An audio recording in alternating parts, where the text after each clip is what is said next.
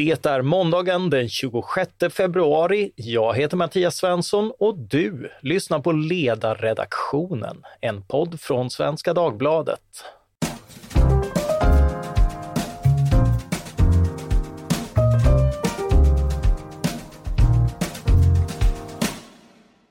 Dagens ämne är Vladimir Putins väg till makten i Ryssland. Det är nämligen temat i Lena Einhorns dokumentära berättelse Kameleont som nyligen kommit ut. Här får vi följa Putins väg framför allt från kommunismens fall 1989 då han var KGB-agent stationerad i östtyska Dresden och genom det 1990-tal då denne före detta agent klättrar till maktens topp, först i Sankt Petersburg och sedan i Moskva. Boken slutar någon gång efter midnatt på valdagen den 26 mars år 2000 då Putin precis valts till president. Med mig här i studion har jag författaren Lena Einhorn. Välkommen! Tack! Vi ska återkomma till den där avslutande kvällen, men låt oss börja i en annan ände. Varför har du skrivit den här boken? Eh, jag var faktiskt tvungen att gå tillbaka eh, för jag har hållit på med den ett tag och eh, försöka för mig själv klargöra varför. Därför att från början så tror jag mitt huvudsakliga motiv var faktiskt att skildra diktatorns utveckling, alltså från början till ja, slut. Det blir ju, men när, den, när, den får, när diktatorn får all makt. Um, och från början tänkte jag eh, att den skulle vara inspirerad av Vladimir Putin men var rent fiktiv. Så jag tänkte mig en eh, typ eh, fotbollstränare i Mellansverige vid namn Valdemar Petrén som skulle ta över en eh, mellansvensk stad eller något sånt där. Men ju mer jag läste om Putin desto mer tyckte jag Valdemar Petrén var inte lika intressant som originalet. Eh, sen blev det så här att eh, den kom att handla inte om diktatorns utveckling så, så mycket som diktatorns väg till makten. Um, jag skrev ju en artikel uh, nyligen i DN som just handlar om vad som händer när någon får all denna makt. Mm. För då händer ju någonting med, det tror jag händer alltid, de blir till slut paranoida därför att de omger sig med ja-sägare, de vet inte vad någon tycker, de känner sig hotade från alla håll. Och det har ju hänt med Putin också. Men jag bestämde mig efter att jag hade hållit på ett tag med det här och det, var, det jäste ganska länge att sluta när han kommer till makten och då handlar boken i första hand om hur kommer en sån här person som varken är karismatisk, inte på det klassiska sättet, eller, eller har en bakgrund som man skulle föreställa sig skulle leda till denna maktposition i det Ryssland som då existerade. Hur kommer han till makten överhuvudtaget? Vad är det som gör det? Och det är ju en otroligt intressant fråga i sig, för det är ju inte unikt det här med människor som kommer från ingenstans och så på något sätt tar sig förbi alla hinder. Mm. Eh, ja, och, och, det är ju verkligen den, eh, den berättelse du har eh, skrivit. Det, det, är ju en berättelse inte bara om Putin utan också om människorna han möter. jag tänkte att du kan få berätta berätta om några av dem och deras relation till Putin. Och det är väl naturligt att starta med, nu blir det svårt att uttala här, Anatolij Sobchak. Ja. Eh, vem var han? ja, de, eh, det är ett polskt namn, då säger man Sobchak, annars säger man Sobchak tydligen i, ja. i Ryssland. Eh, han var en, alltså man kan säga att det fanns två personer som var, det fanns förstås en massa människor på vägen, men två som var huvud ansvariga för att lyfta denne, faktiskt från början helt arbetslöse på botten. Alltså när han träffade Sobchak 1990 på våren, då hade han återkommit från ett icke längre existerande Östtyskland. Han stod fullständigt på, på han, hade in, han funderade på om han skulle bli taxichaufför. Han hade inget jobb. Alltså det tar bara tio år från det skedet tills han blir president. Och då denna man på botten då träffar alltså eh, en man som heter Anatolij Sobchak. Eh, det är perioden som det här skildrar i Ryssland, en väldigt, väldigt omvälvande tid när Gorbatjov har suttit vid makten i några år och plötsligt har lättat på trycket och man har börjat ha demokratiska val. Och plötsligt kommer det fram människor som annars liksom har varit dissidenter en del av dem och väldigt långt från makten. Och Sobchak är en av dessa. Han, han eh, var en, eh, en eh, professor i juridik vid Leningrads universitet, mycket karismatisk till skillnad från Vladimir Putin. Eh, hur han kom från denna eh, position, det han var ju motståndare till, han, blev, han, han faktiskt blev partimedlem men det var mest av, av strategiska skäl. Han var ju motståndare till det gamla Sovjetsystemet. Eh, han eh, sökte sig till det politiska livet, blev invald i det som då kallades folkdeputerades kongress. Sen hade man ett val i Putins hemstad Leningrad där man valde stadsfullmäktige. Och, och det var ju bara sådana här akademiker, människor som inte hade haft någonting med politiken att göra, dissidenter i en del fall, som blir invalda. Och de, de, eh, de är så ovana så de vågar liksom inte riktigt ta makten över denna för, eh, församling. Och då eh, kommer de på att de ska välja denna Sobchak, Sobchak som är dels väldigt karismatisk men också har en viss vana eftersom han hade blivit invald tidigare i Moskva och han var från Leningrad. Han eh, accepterade det här eh, och blev alltså då stadsfullmäktiges ordförande i Leningrad. Mm. Och då händer någonting intressant. Eh, han väljer inte till sina närmaste eh, de här eh, tidigare dissidenterna eller motståndare till, till det gamla styret som sina närmaste. Utan han, han väljer människor som, som har haft viss kontakt med, med staten tidigare av något slags trygghetsskäl.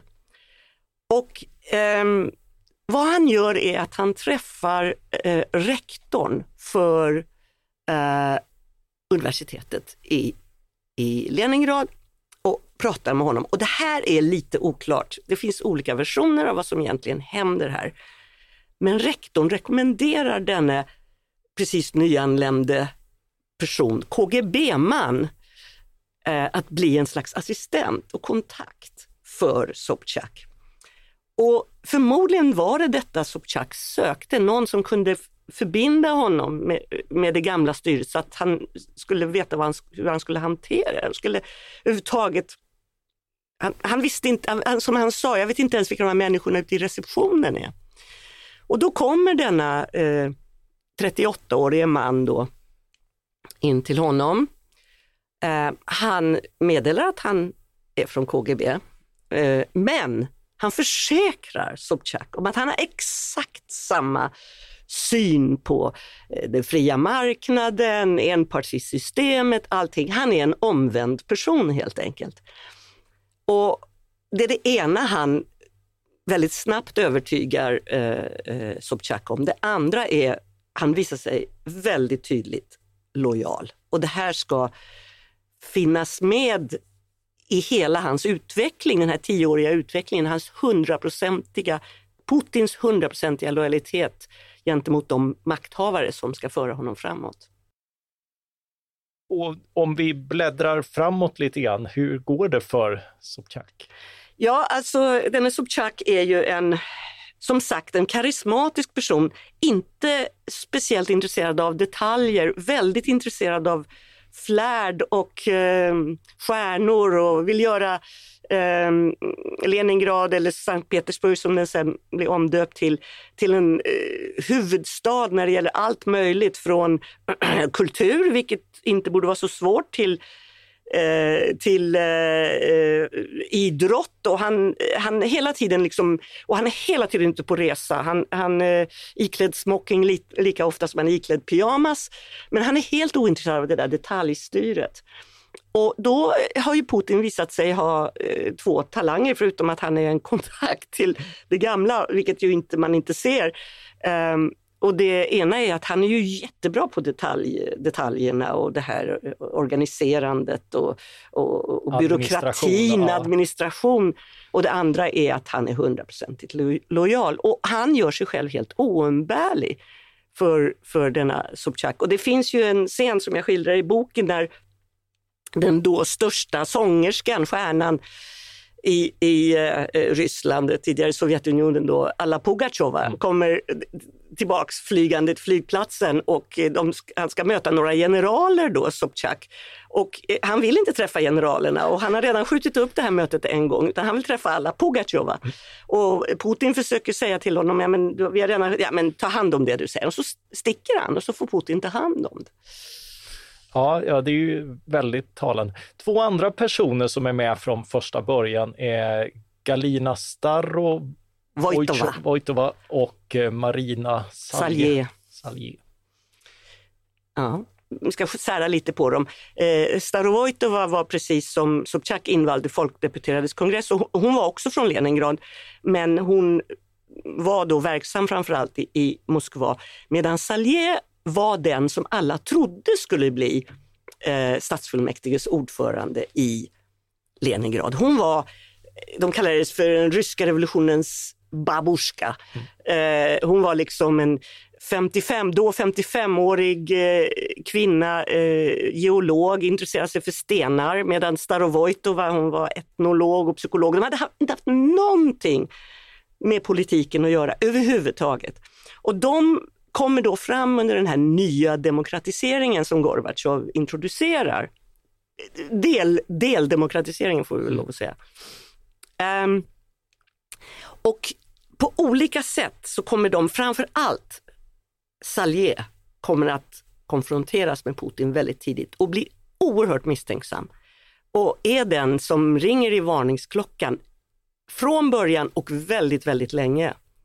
Eh, hon ångrade sig att hon lät Sobchak bli eh, ordförande för stadsfullmäktige, eh, för hon märker ju att det, det, det här, det är väldigt konstiga affärer som börjar hända i i Sankt Petersburg, mycket myskoaffärer. Hon eh, registrerar allt det här och det handlar om, de, det, det råder ju mer eller mindre svält, alltså de har väldigt svårt att skaffa fram livsmedel men de har ju massor med råvaror. Och då finns det ju så att säga tillstånd från staten att man, man gör ett byte av rå, ryska råvaror mot mat från utlandet som importeras helt mm. enkelt. Och det här eh, noterar då, det, här har Putin i Sankt Petersburg fått uppdraget att genomföra. Och Salén noterar så flera gånger att det är oerhört konstigt för de här det är jättestora summor som säljs av dessa råvaror, alltså hundratals miljoner. Men det finns inget, inga livsmedel som kommer in. Och eh, hon börjar agera och, och, och, här börjar så att säga den underliggande Putin dyka upp och man ser, hon får tidigt se vad är det här för människa egentligen. Mm. Eh, och sen har vi då Boris Jeltsin, eh, Rysslands första president, ett namn som sannolikt fler känner igen och har minnen av, låt vara från en annan tid. Vem var han? Ja, eh, det här är ju en eh, lite crossover-person. Ehm, Boris Jeltsin var ju eh, en eh, partiaktiv person i sin hemstad Sverdlovsk. Eh, han var eh, generalsekreterare i, i kommunistpartiet där. Ungefär samma position som, som Gorbatjov hade från början i sin hemstad.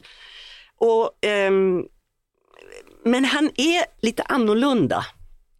Um, och det märker Gorbatjov när han får makten. Det här är en man som opponerar sig mot det gamla gardet och um, liksom försöker rensa upp. Och när man tittar på Jeltsins historia, privata historia, då har man faktiskt anledning att misstänka att den här kommunismen låg inte så särskilt djupt hos honom. Uh, hans far hade blivit väldigt illa behandlad under Stalinåren. Han var bonde från början, hade blivit fråntagen sin gård och blev plötsligt fängslad, satt i fängelse i flera år. Och det här satte sig djupt hos Jeltsin. Och eh, han var oppositionell redan i skolan, liksom. han protesterade mot eh, hur lärarna hanterade saker och så vidare. Det här var ingen kla klassisk apparatchik, så att han överhuvudtaget fick den makten han fick lokalt var ju förmodligen för att det var någon slags upplösningstillstånd eh, under Brezhnev-eran och sen Eh, tiden därefter. Och, ehm, men det här uppskattade, när då eh, Gorbatjov kommer till makten och ser hur, hur det står till och ska börja rensa upp, då tar han Jeltsin till sig därför att han vill ha den här människan som börjar rensa upp och han blir Han får en post i politbyrån, han blir Moskvas eh, partichef. Men väldigt snart så upptäcker då Gorbatjov att den här mannen Jeltsin, han, han, han går lite för långt. Mm. Gorbatjov, det som är intressant med den perioden, och det är ju en så här kontrafaktisk fråga, liksom, vad hade hänt om, Gor om Gorbatjov hade suttit kvar vid makten? Och man vet ju inte, men han lättade ju på trycket men han ville ju absolut inte lösa upp. Han ville inte lösa upp Sovjetunionen, han ville inte lösa upp kommunistpartiet. Han ville skapa han ville, han ville så att göra, han ville demokratisera men inom de gränser som fanns lite grann. Men han märker ju att, och han inför de här perestrojka, glasnost, alltså, men han märker att, att Jeltsin börjar ju kritisera honom. Ja, och, och, så långt skulle man väl inte riktigt Nej. ta det? och, det, och då avskedar han, han avskedar Jeltsin. Men eh, Jeltsin har ju gjort sig så populär under den tiden som han var Moskvas partichef att sen när det blir val då till det här folkdeputerades kongress, då blir han ju invald med stor majoritet och han lämnar kommunistpartiet.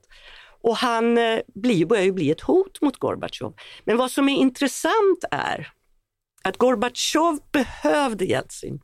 Därför att från andra hållet så sitter då den här partikolossen och försöker stoppa Gorbatjov. Han är ju oerhört ensam, Mikhail Gorbatjov. Han, han är ju trängd från två håll.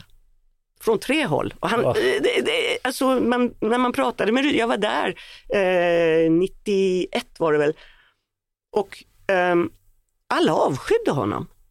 Alltså av olika skäl. Man avskydde honom från, jag träffade ju inte kommunister så mycket, men, men de avskydde honom för att han försökte lösa upp det gamla. De, de nya som Jeltsin, de ville gå fortare fram och sen fanns det de som bara upptäckte att deras land var skit som de sa. Mm. Och de hade trott att de levde i en stark stormakt. Eh, så att han behöver Jeltsin som motvikt lite grann. Och eh, till slut så blir han så hårt ansatt från så att säga kommunisthållet att han tillsammans med Jeltsin, det här är 91 då, eh, och Kazakstans ledare ska, ska, skriva under ett dokument som ger större makt åt republikerna och då vid det här laget så har Jeltsin blivit president över ryska republiken, federativa republiken. Alltså republikerna hade ju egentligen ingen stor makt. Det var ju Sovjetunionen som var, hade makt. Men Ryssland var ju den absolut största av dessa republiker och hade då små republiker inkorporerade. Um, och han hade låtit utropa sig till president över denna republik. Och um, Det här gillade ju absolut inte uh, Gorbatjov, men han, eh, för när han är så här trängd så beslutar han sig för att låta republikerna få större eh, så att säga makt gentemot staten och få börja driva in sina egna skatter och så vidare. Och det här, när det här, samma dag som det här eh, kontraktet ska skrivas på så gör de här kommunisterna på hans andra flank en kupp. Och då hamnar ju Jeltsin och Gorbatjov på samma sida och de, de placerar ju Gorbatjov i husarrest. Och eh, Jeltsin ska då rusa till hans hjälp och stöd och allting slutar med att Gorbatjov förlorar, alltså eh, kuppmakarna efter några dagar så är de, de är fängslade, det är finito. Det var en väldigt dåligt organiserad kupp.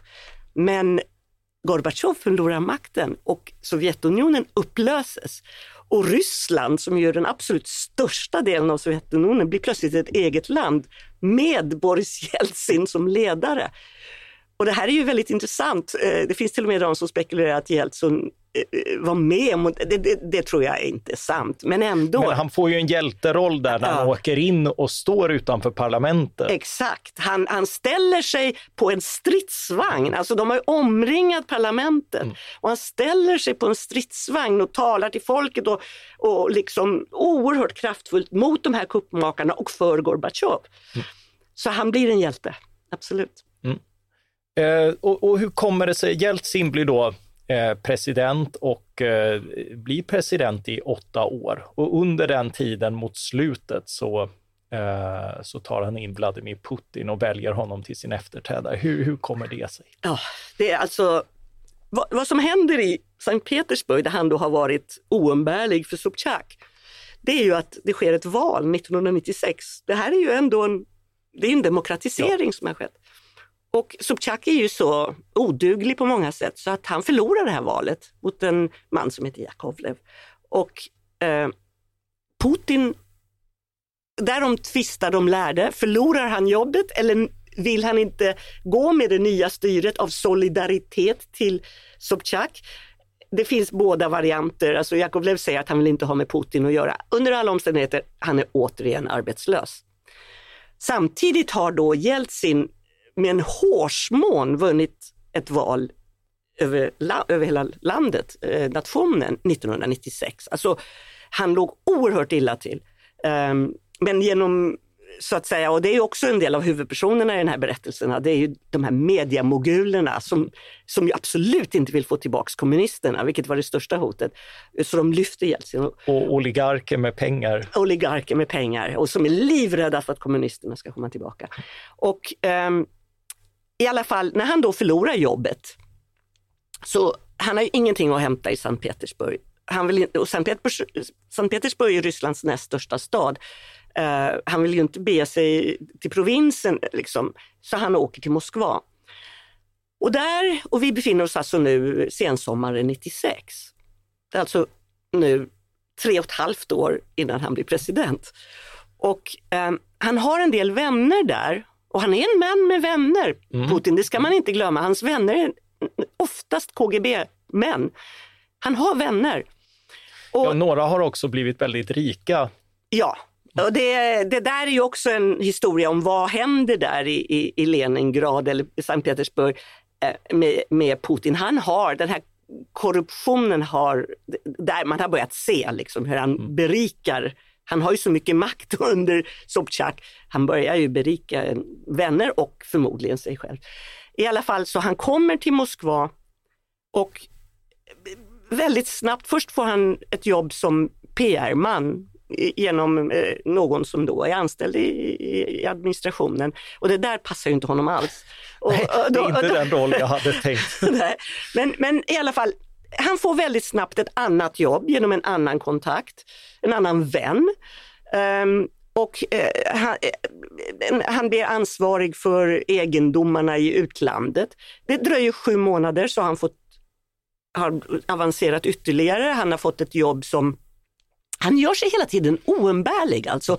Och han är en oerhört tystlåten, tillbakadragen person, en grå eminens. Han håller sig hela tiden i bakgrunden, gör sig själv oumbärlig. Så att han får ett jobb sen där han har stort ansvar över regionerna. Han eh, Jeltsin har då någon antikorruptionsdrive och Putin går in i den väldigt antikorruption, väldigt intressant. Eh, lyckas liksom fånga en massa korrupta människor ute i regionerna. Eh, men alltså Jeltsin sitter ju så oerhört osäkert på många olika sätt. Alltså han, hans alkoholism har ju slagit igenom och hans hjärtsjukdom.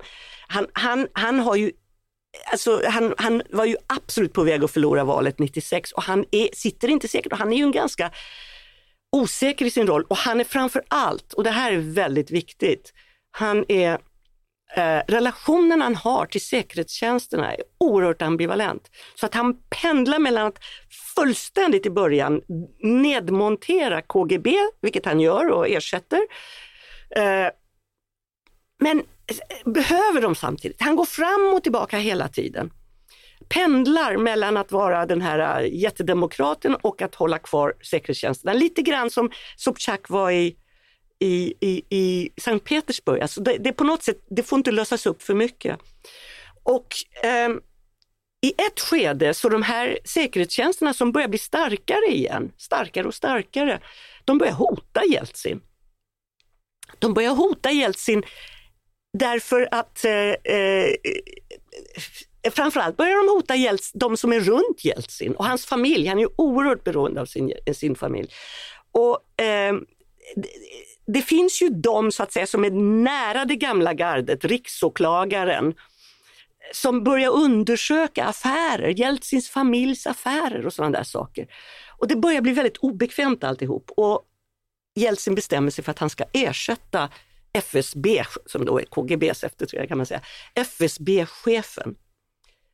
Och då sitter då, har, då är det en sak som han, han har ju varit sjuk så mycket, han har varit mm. borta från Kreml hela tiden nästan. Men en sak han verkligen observerat hos denna Putin, som han inte har träffat så mycket.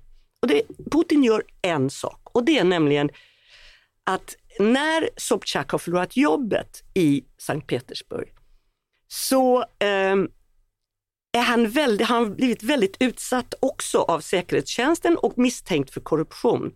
Och beroende på vem som sitter i Kreml vid makten och hur stark säkerhetstjänsterna är och hur mycket det gamla gardet försöker komma tillbaka så är han mer eller mindre hotad. Och i ett skede så, så ska han åtalas, Sobchak, alltså den gamle, Putins gamle chef.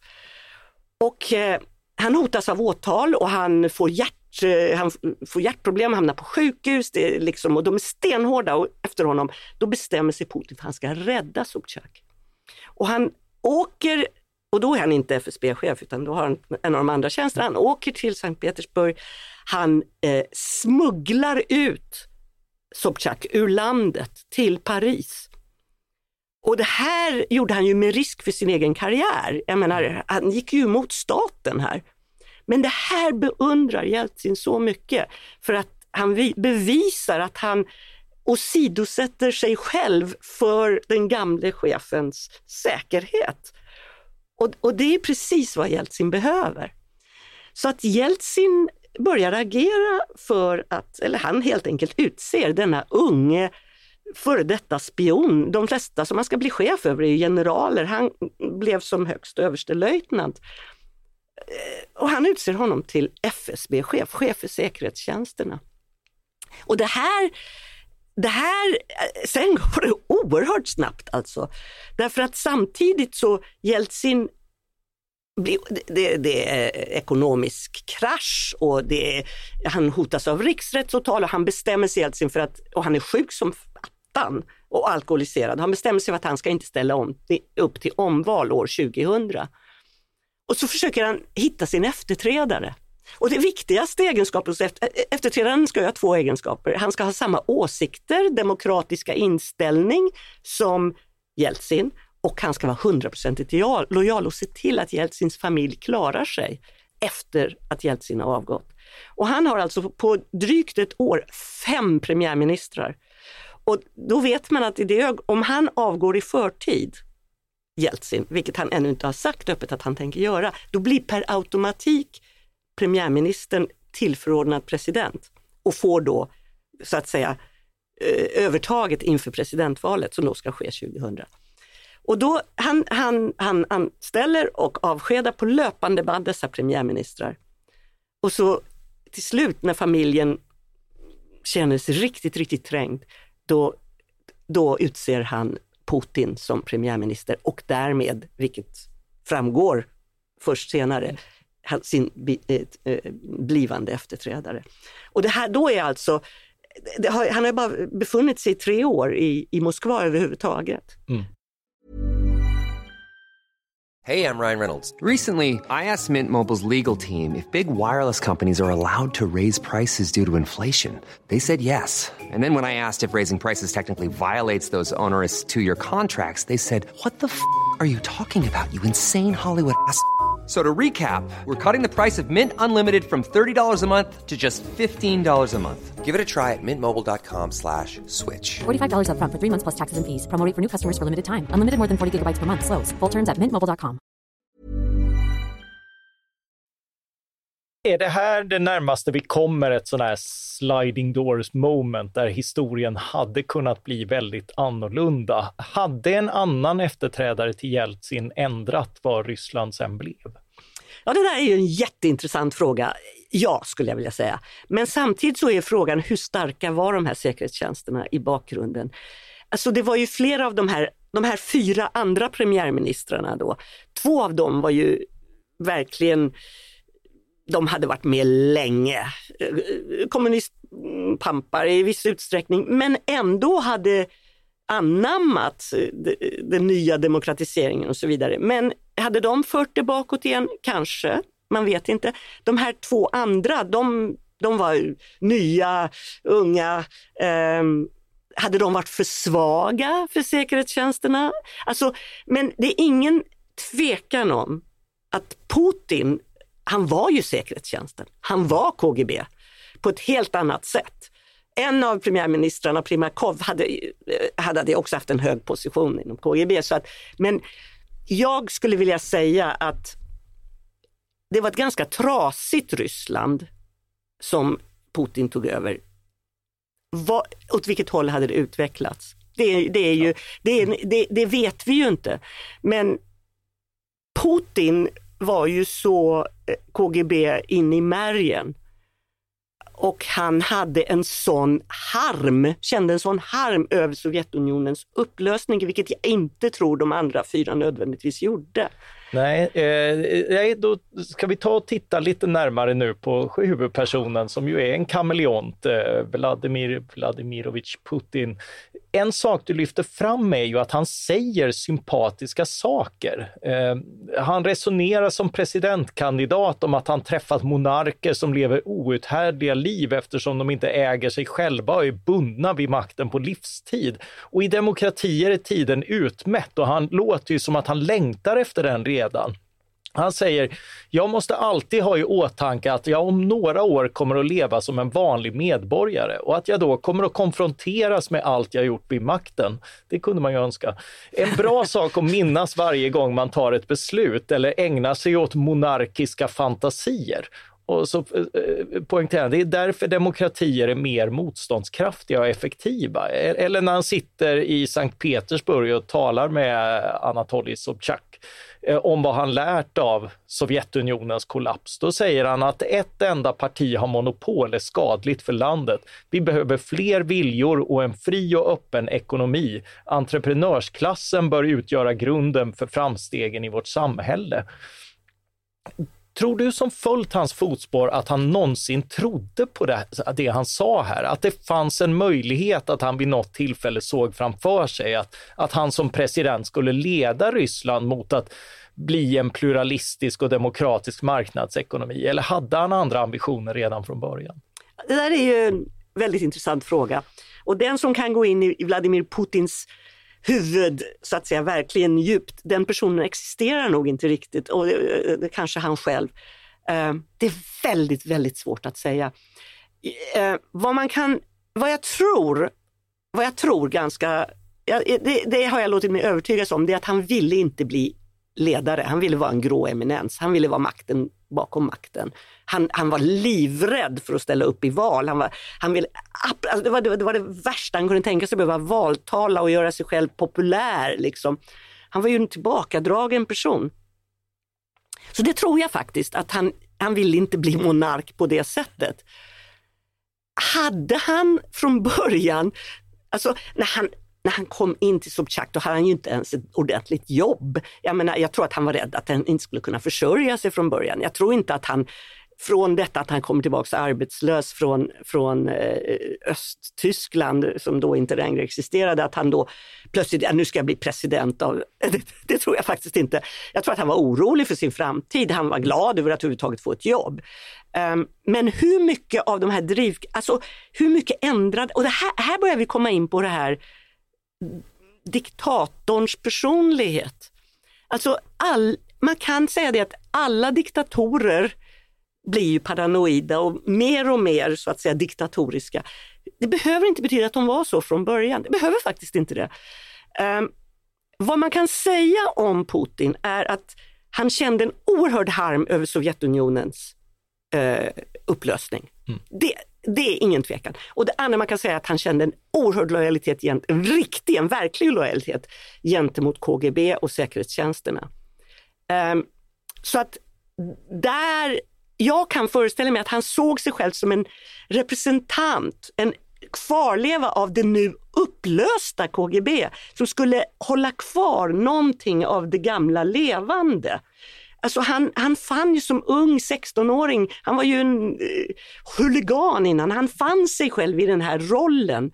Alltså den här, och han, han utvecklade ju en förmåga, vi kallar det ju kameleont, att dupera. Det hade, så det, därför är det väldigt svårt att veta vad är, när ljuger han och när talar han sanning.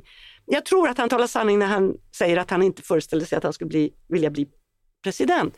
Men hur mycket fanns den här ursprungliga, hur mycket lurades han redan från början när det gällde demokratisering och så vidare. Han var ingen han var ingen kommunist på det sättet att han skulle ha, liksom, eh, han var ju kapitalist i, i sin syn på ekonomin. Men han var ju na- hypernationalist. Och eh, imperiet var ju liksom, han identifierade sig med imperiet. Så att eh, vissa saker kan man gissa sig till, andra är väldigt svårt faktiskt att, mm. att säga säkert. Eh, en del mönster är ju rätt tydliga redan från början i Sankt Petersburg. Eh, korruptionen är väl belagd redan från början och den är stor, eh, storskalig. Ja, och det är ju precis, alltså han och det, frågan är om den är personlig eller om det är för KGBs räkning och det är väldigt svårt att säga från början. Den blev så småningom personlig också men förmodligen var det från början mer, eller KGBs, de existerar inte längre, men för för... Vänner. Jo, jo, det var KGB existerade i början. I alla fall, det var, vad han gjorde var när han skulle köpa de här, skulle sälja råvarorna till utlandet i utbyte mot mat. Det var ju att det var såna här bulvan för icke-existerande företag som de här råvarorna såldes till som sen skulle förmedla dem till utlandet. De fick dem för liksom en promille av, av kilopriset, dessa råvaror. Um, varför skulle han ge dem det här? Vad, vad, vad var poängen? Vilka var de överhuvudtaget? Och, och sen kom ingen mat, sen kom inga livsmedel. Eh, det finns ju en författare som heter Catherine Belton som har skrivit en bok som heter Putins krets och hon menar att hela det här tillvägagångssättet är klassiskt KGB. Det var så de agerade, speciellt i slutet av Sovjetunionens existens, för att hålla utländska kommunistpartier de, de, vid liv. De sålde liksom för de, de, de, Arbetssättet var redan upp. Det var redan upparbetat, alltså de tog eh, ryska råvaror, köpte det för eh, lokala priser, sålde jättedyrt i utlandet, placerade pengarna ut, på utländska bankkonton där så att säga utländska, västerländska och även i öst kommunistpartier kunde tillgodogöra sig det här. Det var ett sätt att hålla liksom, eh, världskommunismen vid liv. Och, och, och de här de här metoderna var upparbetade. Så att korruptionen från början var en slags förmodligen KGB-korruption. Sen så småningom så är det väldigt tydligt att han börjar berika sig själv. Det finns, det finns tydliga tecken på det. Men man, som det sades, man kunde, han var alltså ansvarig för kommittén för utlandsrelationer und, under Sobchak och blev sen också vice borgmästare. Men det sades att man kunde inte gå etablera någonting hos Putin utan att betala en muta. Samtidigt så han var så oerhört skicklig därför att det finns ju en person som verkligen hjälper honom till makten som mm. inte och det är Boris Berezovsky som var ju, blev ju en oligark och var från början en, han var matematiker och blev bilhandlare. Väldigt tidigt i Putins karriär så kommer Berezovsky till Sankt Petersburg och vill etablera bilservicestationer och det är väldigt svårt, det är, liksom, man måste ha kryscha som det kallas, alltså, eh, vad kallas det, maffiastöd liksom för att kunna, väl, det är ju ett icke-fungerande samhälle. Och han eh, går då till, till eh, Sobchak som hänvisar honom till Putin. Och Putin fixar fram det här på nolltid. Han, är ju, han har ju jätte jätteduktig på det här med kontakter och allting. Och då säger Berezovskij till honom, han blir helt chockad, det tar fem minuter, då säger han, eh, vad kan jag ge dig i utbyte? Det här är en Ziguli Salon, en ny, vill du ha den? En bil alltså. Ja. Och, och, han avvisar det här, han blir nästan så här, tack, jag, det. Och, han, och, och Beres, han, han, vill inte ha bilen. Och Berezovskij blir så chockad för det är första gången han har träffat på en, en, en, en rysk eller sovjetisk tjänsteman som inte låter sig mutas. Och det här är ju falskt. Det är bara det att han, han lät sig mutas på väldigt skickliga sätt. Mm. Mm. Det skulle vara tillräckligt stort. Dels det, och sen hade han det här sättet att eh, när han satt där på kommittén för utlandsrelationer så var, kom ju då olika eh, företag eller till honom för att etablera kontakter och så vidare. Och då var det ju så att han gav dem tillträde till en massa saker som berikade dem. Och då som tacksamhet för det så så var det en kickback till honom som de kunde ge. Då hade han så att säga gett dem pengar. Nu gjorde han väl delvis det också med, med, med Berezovsky, men det var på så, lit, på så låg nivå så det var liksom inte relevant. Så att han var väldigt skicklig i det sättet han gjorde sig, eller han gjorde andra beroende av sig.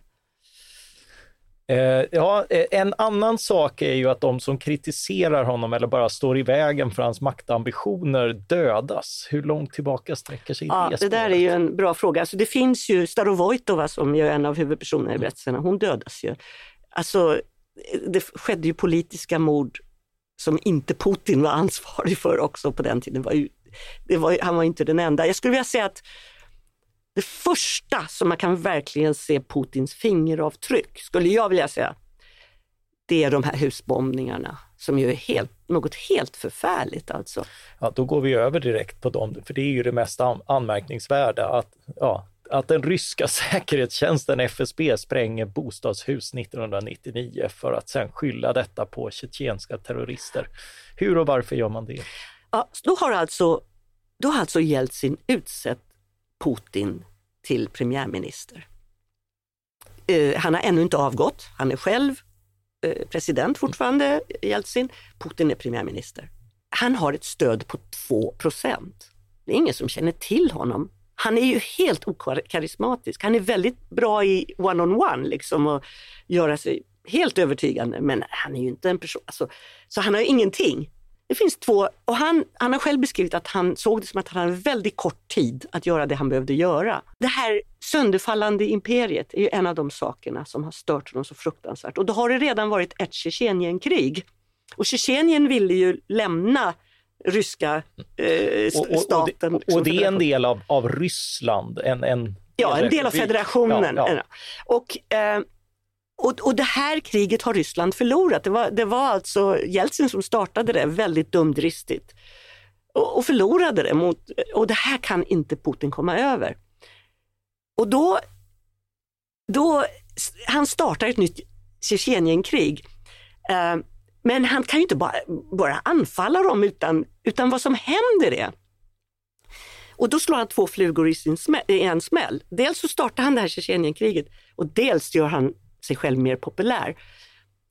Vad som händer är att eh, plötsligt så börjar det sprängas hus. Det börjar i liten skala, det är en, eh, i en galleria i Moskva och sen blir det stora, jättestora bostadshus med hundratals dödsoffer som sprängs i luften på bara några veckor. I, delvis i Moskva men också i andra delar av, av landet.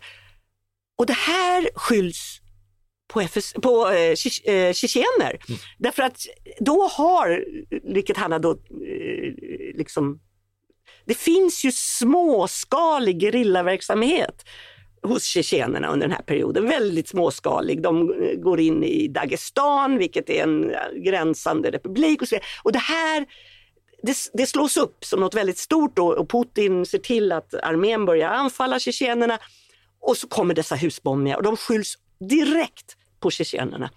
Och folk blir ju livrädda, de vågar inte gå och lägga sig på nätterna. Eh, och sen plötsligt så upphör husbombningarna samtidigt som Putin inleder Tjetjenienkriget i september 1999. Han är fortfarande bara premiärminister. Och sen kommer det inga fler husbombningar. Men vad som händer är att sen när han har blivit tillförordnad president och ännu inte har, blivit, har varit presidentval, så har viss media gått in och börjat gräva i en, en ytterligare en husbombning som aldrig hände. För att de som skulle bomba blev påkomna. Och vad man lyckas se, och det är helt tydligt, det är att, eh, och det är, det är liksom jättemycket konstigheter som sker man, säger, man gratulerar människorna över, liksom, Putin går ut och gratulerar att de har överlevt, man har hittat det här sprängmedlet och det här är fantastiskt och alla har varit observanta och fantastiskt, bla bla bla. Men så är det en, en, en telefon, eh, man, telefonist som kopplar upp ett samtal och hör hur de här människorna som har lagt ut sprängmedlen diskuterar med varandra. Och så börjar man härleda var telefonsamtalet går. Det går till FSB. Det går till säkerhetstjänsten. Och det finns andra tecken på att säkerhetstjänsten är involverad och då, då inser ju eh, eh Rysslands regering och säkerhetstjänsten att här, här måste de göra något. Då, då säger de att det här var en övning. Ja, det var vi, men det var en övning. Och, och då undrar ju, och det blir här väldigt konstigt därför att man såg att det var verkligen sprängmedel. Och det, Putin sa, att vi har verkligen räddats till livet. Så det var ju uppenbarligen ingen övning. Så det här är ju väldigt, väldigt tydligt att det här var FSB. Och då hade han, då var det ju, han hade ju precis varit FSB-chef. Det var ju bara hans kompisar som satt för ledningen av FSB. Så att det är ju oerhört sannolikt att det var han som så att säga drev det här. Gick det att förstå vem Putin var redan innan han valdes? Eh, hur, hur känt var det här eh, om korruptionen, morden och sprängningarna? Ja, det fanns ju som sagt de som försökte och, och, och Marina Salé, den här kvinnan eh, i, i, i Sankt Petersburg som mm. tidigt började varna för honom. Hon, hon, eh, hon blev ju aktiv även runt valet. Hon, hon uttalade sig i media, hon skrev en artikel där hon detta, i detalj beskrev vad Putin hade gjort sig skyldig till i Sankt Petersburg med dess enorma penningflöden. Alltså. Och hon, hon, eh, hon, hon, hon varnade alla hon kunde komma åt. Hon var ju fortfarande politiker men nu lite mer tillbakadragen. Men hon var med i tv-program och så vidare, men ingenting fick fäste därför att Putin blev ju så omåttligt populär därför att han han stoppade de här hussprängningarna och, och straffade de som hade gjort det, nämligen tjetjenerna. Ja, och lät väldigt tuff också. Ja, exakt. Där kom han till sin rätt i det här karga och, och sådär. Han behövde inte bedriva valkampanj nej, utan nej. han pratade ju då bara som president. Och sen har du ju då samtidigt de här oligarkerna, bland annat eller framför allt Boris Berezovsky som gör samma sak för honom som han gjorde för Jeltsin 96, nämligen i alla, i alla tv-program, som, han har ju en av de två stora tv-kanalerna, äger han, har full kontroll över. Och det är ju liksom, Putin höjs till skyarna och konkurrens, konkurrensen eh, Liksom, det, finns, det finns en scen när den, det största hotet, som är eh, förre premiärministern Primakov, som alla trodde skulle eh, bli vald, de beskriver i detalj hans höftledsoperation och hur nära döden han är. Liksom. Och det, och det, så att han, alla möjliga sätt så lyfts Putin. Och på liksom bara några månader, några veckor så lyfts han från dessa 2% upp till 50% stöd. Så att alla andra blir väldigt chanslösa och då har de här husbombningarna och Tjetjenienkriget gagnat hans, eh, alltså förtroendet för honom. Mm. Eh, ja, no några som inte ser det här är ju förstås de du beskriver i slutet av boken. Namnkunniga demokrater och liberaler, duktiga kommunikatörer som alla lett kampanjen för att välja Putin till president. Eh, vad är det som får dem att göra det? Jag har ju något citat i början av eh, boken, det är kanske det jag ska eh, jag har två citat. Jag, ska läsa upp dem faktiskt, för jag mm. tycker att de... Ett citat, det har jag använt flera gånger, för jag tycker det är så, det är från en eh, trollkar som var på en do dokumentär eh, på svensk television för säkert mer än tio år sedan. Och jag skrev ner vad han sa, jag verkligen ordagrant. Han alltså talade om hur, hur, hur man lurar människor, hur man får människor att tro på trollkonster. Då sa han, jag citerar, människor inbillar sig att de tror på det de väljer att tro på. Så är det inte. Vi tror mestadels på det vi har behov av att tro på. Och det andra citatet jag har i början av boken, det är från eh, Trevor Noah, den här tv-personligheten i USA, som då eh, kommer från Sydafrika. Eh, och, och, och, och, vad han menar här är någonting helt annat, eh, om folk ser dem som svart eller vit. Men eh, citatet är intressant. Jag blev en kameleont. Min färg ändrades inte, men jag kunde ändra din förnimmelse av min färg. Alltså, det, det, är lite samma fråga man kan ställa om Trump i USA. Jag menar, eh, han får hela republikanska partiet på sin sida. Um, det, det, är ju, dels handlar det om hopp, dels handlar det om egen karriär, dels handlar det om att man inte ser några andra alternativ, hålla sig väl med makten. Men eh, ja, han var oerhört, man ska komma tillbaka till det, han var oerhört skicklig på att dupera. Han var oerhört skicklig på att få människor runt sig att tro att han stod på deras sida. Men det var ju inte så svårt att se igenom det. Men de valde att inte göra det. Mm. Eh, det känns ju som att du med ett sånt slut vill varna din samtid för vådan att välja fel sorts allierade i politiken. Är det en rimlig tolkning? Alltså jag har ingen agenda, men det är klart att när jag själv sen till slut kommer till slutet av boken så inser jag ju att eh, det här är ju inte på något sätt unikt, liksom att, att alla eh, så att säga murar, eh, eh all, allting som ska stoppa upp en sån, ett sånt förstörande av demokratin, vilket det här handlade om, rent förstörelse av demokratin, att, att de viker. Och det är ju det är både ett mysterium och inte, för människan är en svag varelse. Och um, man skulle ju tro att det finns väldigt många sådana rörelser som har tendenser, auktoritära tendenser, som skulle stoppas i, en, i ett demokratiskt land väldigt tidigt. Men som inte gör det. Och det finns ju hur många varnande exempel som helst på det. Eh, människan är en, ibland en ganska svag varelse. Tack så mycket Lena Einhorn för att du var med oss idag. Eh, tack också till alla er som har lyssnat, inklusive dessa dystra slutord. Blev ni putta på att vi pratade om Putte? Tycker ni att det blev rysligt mycket rysskräck? Eh, eller har ni andra uppfattningar? Mejla tankar, synpunkter och rättelser till oss på ledarsidan svd.se. Ledarsidan svd.se. Producent för det här avsnittet var Jesper Sandström. Jag heter Mattias Svensson och jag hoppas att vi snart hörs igen. Tack för den här gången.